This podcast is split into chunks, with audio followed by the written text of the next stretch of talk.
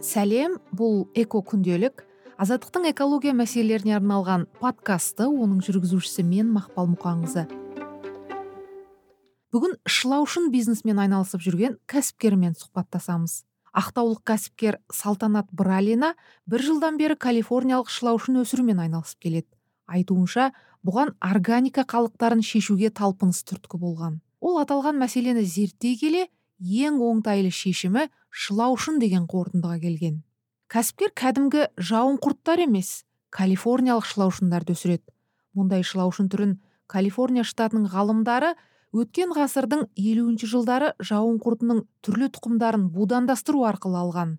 Жауын құрттан ерекшелігі климатқа төзімдірек мал көңімен қатар органикалық қалдықтарды жеп олардан тыңайтқыш өндіреді.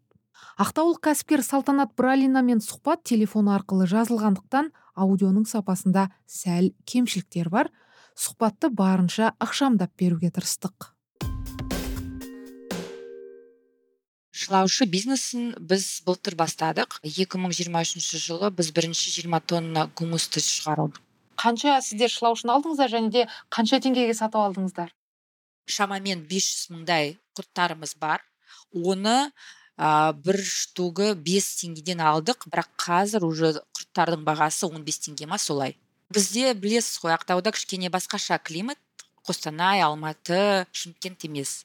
Бізде ә, біріншіден жер де жоқ ешқандай.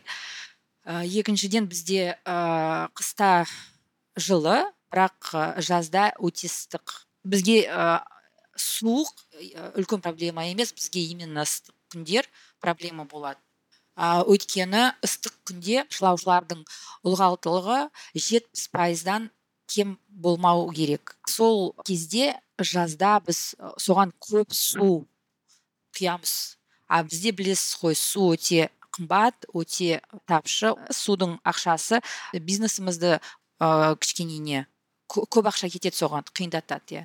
Бірақ қазір ә, мысалы күзде қыста олар жұмыс жасайды жасай береді. Өйткені бізде температурамыз ә, плюс бес ноль минус он. Сол сол кезде шылаушылар ә, өте жақсы не өмір сүреді. Мм. Сіздер сонда қыста оларды қорада ұстайсыздар ма? Әлі сарай ма? Далада иә? Иә далада. Оған ә, арнайы бурт деген ол керует грядка сияқты ұзындығы шамамен 10 метр бір екі метр. Соған қалдықтар жапырақтар қоң сосын ә, ағаштарды саламыз дробить етіп саламыз араластырамыз и соның ішінде құрттар не? Тұрады. Оны жейді жұмыс жасайды. Олардың комфорттық температурасы плюс он плюс жиырма екі жиырма бес. Ал минус болмау керек мүлдем иә минус болса олар ә, спячкаға ұйықтап қалады спячкаға кетеді бірақ өлмейді. А олар ә, именно ыстық болған кезде өледі. Ыстық күндер бізге өте қауіпті. Көп су керек. Сіздер енді жаңа айттыңыз салтанат ылғалдылығы жетпіс пайыз болу керек деп. Оны немен өлшейсіздер? Специальный прибор бар. Ылғалдығын сосын ә, не қышқылдығын. Қышқылдық ол тоже өте маңызды нәрсе. Өйткені ана құрттарға ол специальный диетамен берілетін тамақ именно қышқылдығы көп бол, болу керек емес. Өйткені ол қышқылдық ана не гумустың сапасына әсер етеді қышқыл болғанда мысалы айран дейміз мысалы квашеный капуста жаңа ашытылған капуста. Иә капуста алма соны салсақ оған енді кішкене ана известка сосын сода ә, не араластыру керек ана қышқылдығын аз азайту үшін. Ал енді сол тамақ қалдықтарын қалай бересіздер? Оларды сіздер ұсақтайсыздар ма сұрыптайсыздар ма? Оның ешқандай қиыншылығы жоқ. Тек қана цитрусовый және лук чеснок салуға болмайды. Оны қалай жинаймыз? Бізде бір, бір, бір екі столовый бар сол столовыйға шелектерді апарып тастаймыз. Шелектердің үстіне цитрус болмайды лук чеснок болмайды деп жазып қоямыз. И оны алған кезде уже ішінде ана цитрус лук чеснок жоқ. Бірақ ә, шығады бір екеуі бірақ оны оңай өте шығаруға. И оны ә, сосын ана бурт, бурттарға салып ара, араластырамыз сосын үстіне жапырақтар сосын қаланың ішіндегі ана озеленение бар ғой сол солар бізге ана спиленный деревья жапырақтар жинап әкеледі. Оны да ә, бұлттарға саламыз.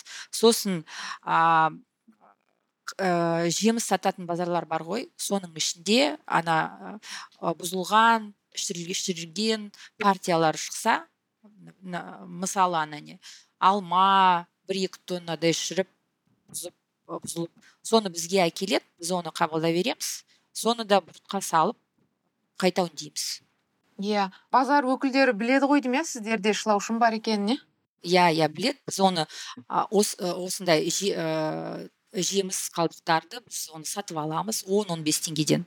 Сосын, сосын өзіміз алып кетеміз оларға да пайда. Өйткені олар не ә, мусор шығаруға тамақ ақша төлемейді.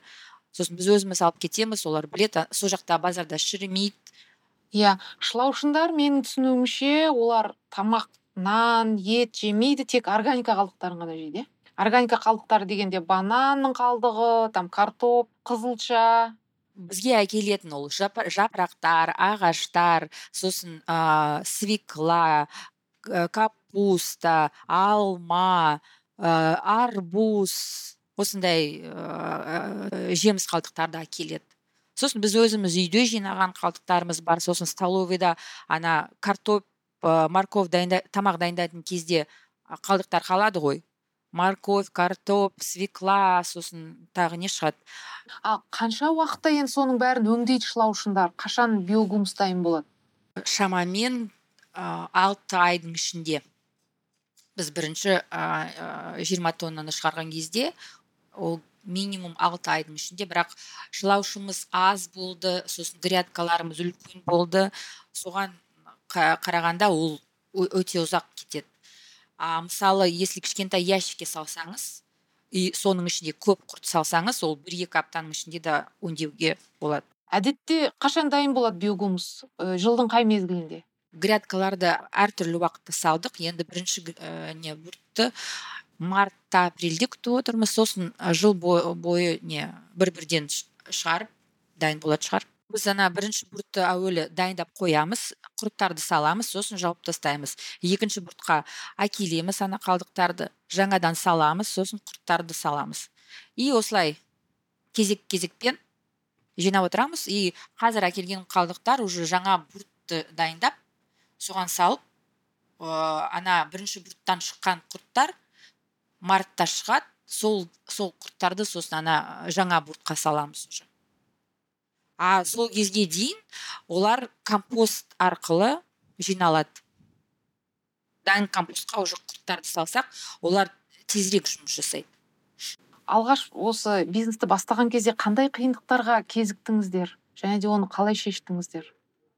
Қазір да қиындықтар бар. Біріншіден ол білімді жұмысшылар жоқ. Екіншіден ол мемлекеттік көмек та жоқ. Осы бизнестің рентабельность өте аз. Салтанат бралинаның пікірінше шылаушын бизнесмен айналысып жатқандарға мемлекет көмектесе екі есе ұтады.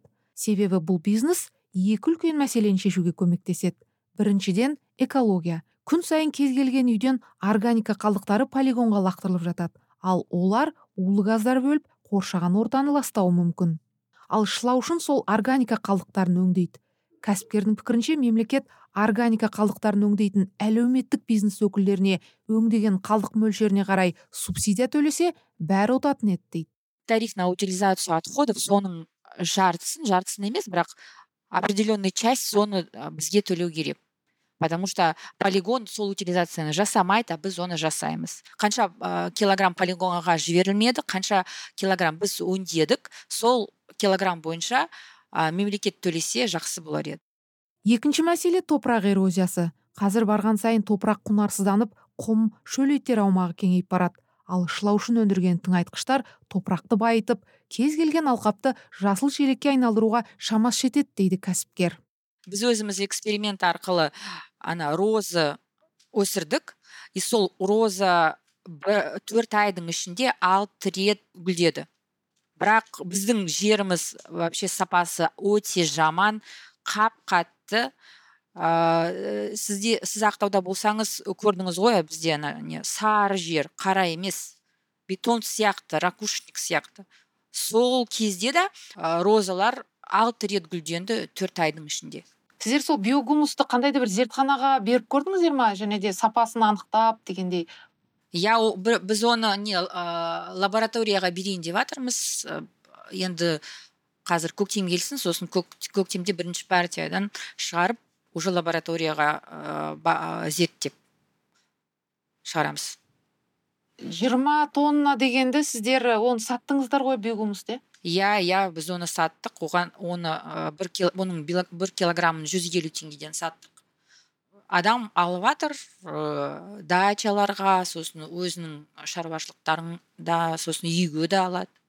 Калифорниялық шылаушындарды мысалы үй жағдайында өсіріп көруге бола ма? Мен бұрындары сөйтіп ойлайтынмын мысалы менде де кез келген үйден шығады ғой тамақ қалдығы сонда органикаларды соған беріп көріп деген сияқты. Иә болады бірақ оған ол үй домашний питомец сияқты оған қарау керек.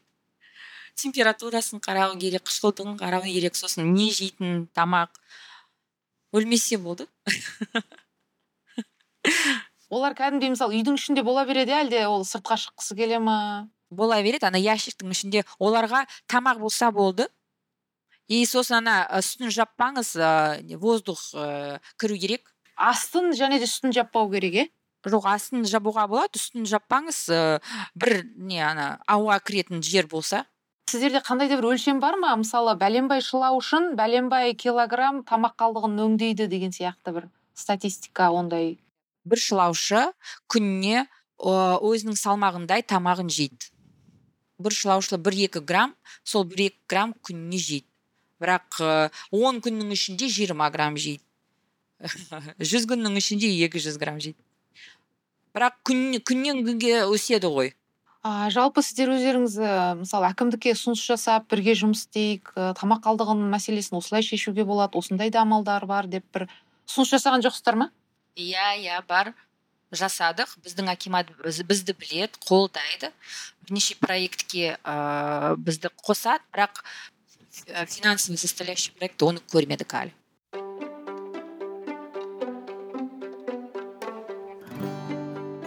Эко күнделіктің кезекті эпизоды осымен аяқталды. Подкаст екі аптада бір рет шығады. Оны азаттықтың сайтынан YouTube парақшасынан google apple подкасттан спотифайдан тыңдай аласыздар.